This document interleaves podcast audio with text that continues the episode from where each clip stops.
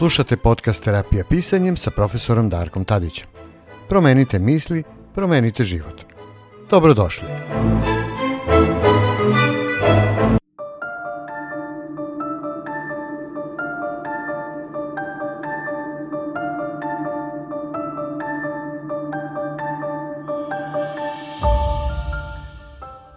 Kada sam se prvi put suočio sa glaukomom, imao sam osjećaj da mi je doktor potpisao smrtnu presudu. Bolest je neizlečiva, rezultat je progresivno slepilo, medicina tu ne može ništa da uradi, osim da uspori bolest. To neke ente godine u starosti. Onda sam potpuno razumeo ljude koji se suočavaju sa ovakvim prognozama. I to nikad ne možeš do kraja da razumeš dok si sam ne suočiš sa sličnim. Strah od smrti, ali i života, u iščekivanje neumitnog kraja je nešto što nas često uništi i više od same bolesti praktično umreš dok si živ. Pre vremena.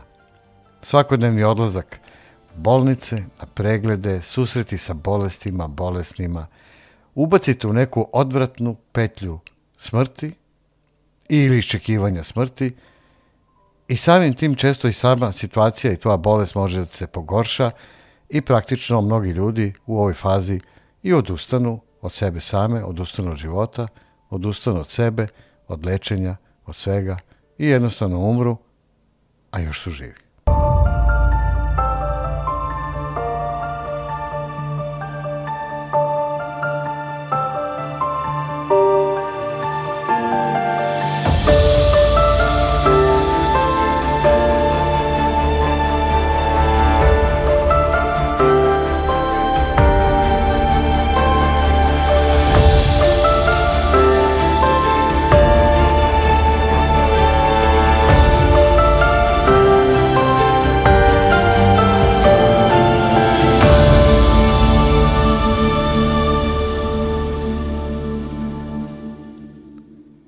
Svi želimo da ostanemo zdravi što je duže moguće, ali smo zbunjeni kako to da uradimo.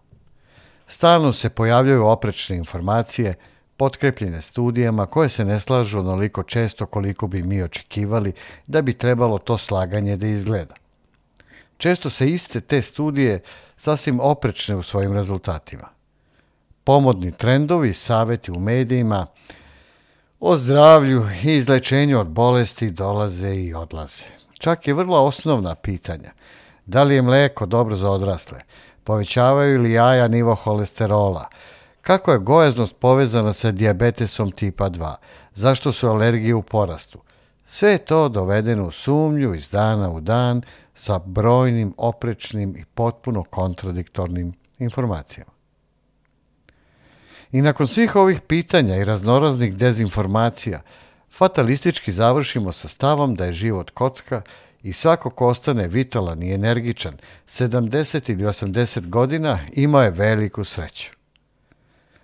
Dublji razlog zašto zauzmemo takav stav je taj što osjećamo i mislimo da imamo bar neku šansu u ovom kazinu života. Međutim, život nije stalni rasti u uspon. Posle određenog broja godina bolest je neizbežna. Nažalost. Naš organizam se haba, troši od upotrebe i ne obnavlja se dovoljno brzo i onako kako bi mi želeli. Ne možemo živeti večno, jer surova je istina upravo to. Svi ćemo umreti jednog dana.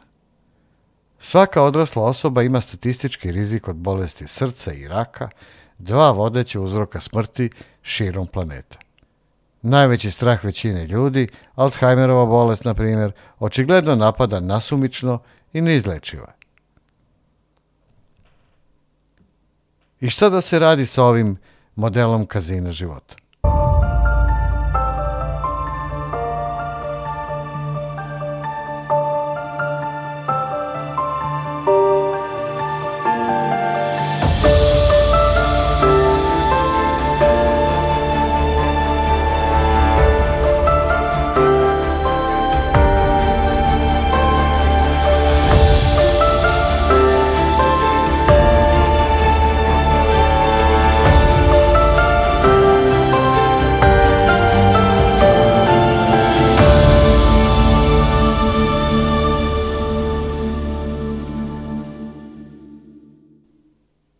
Model kockanja za očuvanje zdravlja proučava se i u medicinskim školama, samo na naučni način.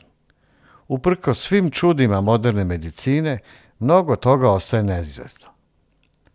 Od određenog uzorka bolesti, poput virusa, prehlade, oboli samo određeni procenat ljudi, a ne svi – Svi standardni tretmani uključuju određeni stepen nepredvidivosti, što za neke pacijente, odnosno neke ljude, da ih tako bolje nazovem, jer ne volim kad mi se kaže da sam pacijent u bilo kom smislu, deluje bolje od drugih, a ponekad uopšte ne deluje. Smanjenje rizika je jedan od načina na koji se definiše prevencija. I samo to. Niko vam ništa ne garantuje. I onda često čujete. Živo je zdravo, a umro je iznenada. I to mlad. Ako se pravilno hrani, redovno vežba, izbegava toksine poput alkohola i duvana, osoba zapravo ne napada uzrok glavnih poremećaja poput dijabetesa, bolesti koronarnih arterija ili raka. Umesto toga, šanse za oboljevanje rastu ili padaju. Prosečna osoba ne shvata da se ovi rizici odnose na velike grupe mereno statistikom. Ne predviđaju uopšte šta će se dogoditi sa pojedincem. Sa vama, sa mnom, sa bilo kim uvek će se naći neko ko sve uradi kako treba, ali se i onako razboli. Dok neko drugi ko nije uopšte pazio na svoje zdravlje, nekim čudom izbegne agoniju bolesti i umre od starosti. Čak i ako ste blagosloveni srećom, doći će dan kada ni najbolji lekari na svetu ne mogu da vam pomognu.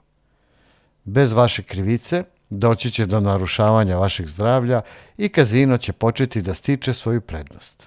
Evo zašto. Postoji sedam razloga zbog kojih medicinska nega prestaje da radi ili jednostavno ne funkcioniše. Prvo je da lekar ne zna zbog čega ste se razbolili. Drugo je da ne postoji lek ili operacija koja će rešiti vašu situaciju.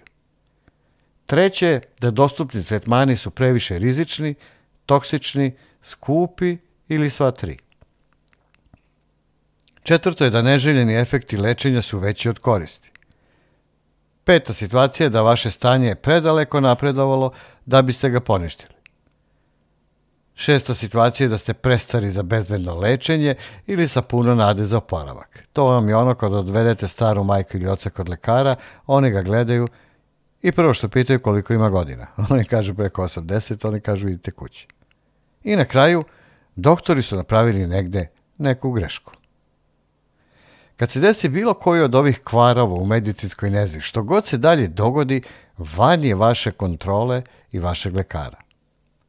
Posle tri veka naučne medicine koja je napravila ogromne korake, nema sumnje, nasledđe koje duboko poštujem, postoje očigledno da model kockanja za očuvanje zdravlja treba nekako zameniti ili barem dobro promisliti o njemu i preduzeti ono što je u vašoj moći, jer vi ste sebi uvek na prvom mestu, za ne? U tom smislu događa se previše neprihvatljivih stvari. Ljudi žive duže, a ipak u proseku trpe 8 do 10 godina lošeg zdravlja i na kraju 1 do 3 godine invaliditeta pre nego što umru. Raku se i dalje pristupa sa tmurnom fatalizmom uprkos činjenici da je do dve trećine karcinoma moguće sprečiti. Procenjuje se da više stotine hiljada ljudi svake godine umre zbog medicinskih grešaka. Prosečna osoba se osjeća bespomoćno, zbunjeno i uznemireno zbog bolesti i odlaska lekaru. Ovo su sve ključni faktori koje obavezno morate uzeti u obzir. I verujte mi, kad dobro razmislite o njima, počinjete da vidite svetlo na kraju tunela.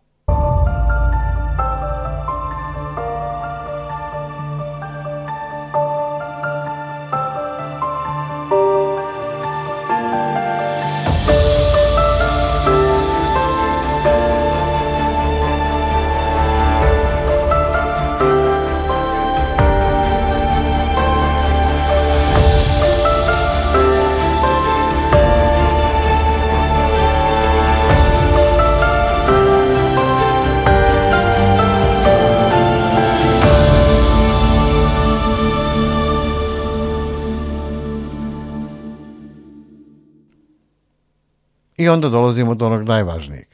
Uzmite stvari u svoje ruke. Ove neprihvatljive stvari nastaju kada model kockanja zavlada i kada bacite kocku u svoju budućnost. Najneprihvatljiviji od svega je gubitak kontrole. To je užasavajuća situacija za većinu ljudi.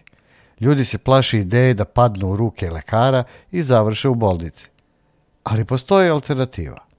Povežite se sa sobom, recimo kroz terapijsko pisanje ili neku drugu metodu koju volite. I počnete komunikaciju sa samim sobom, svojim telom i umom. Isceliteljsko ja je onaj koji donosi odluke koji stupa u arenu svakodnevnog života i usmerava um i telo ka trajnom lekovitom odgovoru. Nameravate da postanete celi, što je jedina održiva strategija da ostanete zdravi tokom celog života. Neverovatno je koliko je ljudsko telo evoluiralo kako bi omogućilo zarastanje. Setite se. Kroz pisanje terapijskih vežbi imate priliku da evoluirate svesno, donoseći izbore koje će radikalno nadograditi vaš imunitet na bolesti, usporiti i preokrenuti proces starenja i pojačati odgovor na isteljenje. Jer naš imunni sistem nije savršen. Površinske rane kad se posečemo ili nešto slično se obično vrlo brzo zaceljuju ali oni unutrašnje, naročito autoimune bolesti, postaju veliki problem, jer moraju da uključe i um i telo i naravno metode savremene medicine i to sveto trojstvo je jedini put da se iscelite, odnosno da zacelite i da živite kvalitetno. Ovi ciljevi se ne mogu postići kockanjem, ali mogu se postići kada usvojite novi model sebe koji leči. Ojačajte svoj um i svoje telo kao zalog za kvalitetan i dostojan život jednog ljudskog bića. Jer samo se to na kraju računa. Terapijsko pisanje će vam biti dobar metod, a svakako dobar početak da se otisnete na ovo putovanje. Počnite da volite i negujete sebe. Zaštitite sebe, ojačajte sebe. Volite se i napravite prvi korak ka dobrom i kvalitetnom životu. Do slušanja.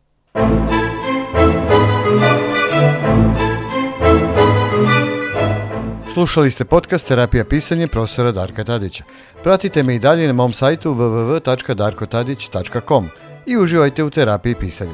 Do slušanja.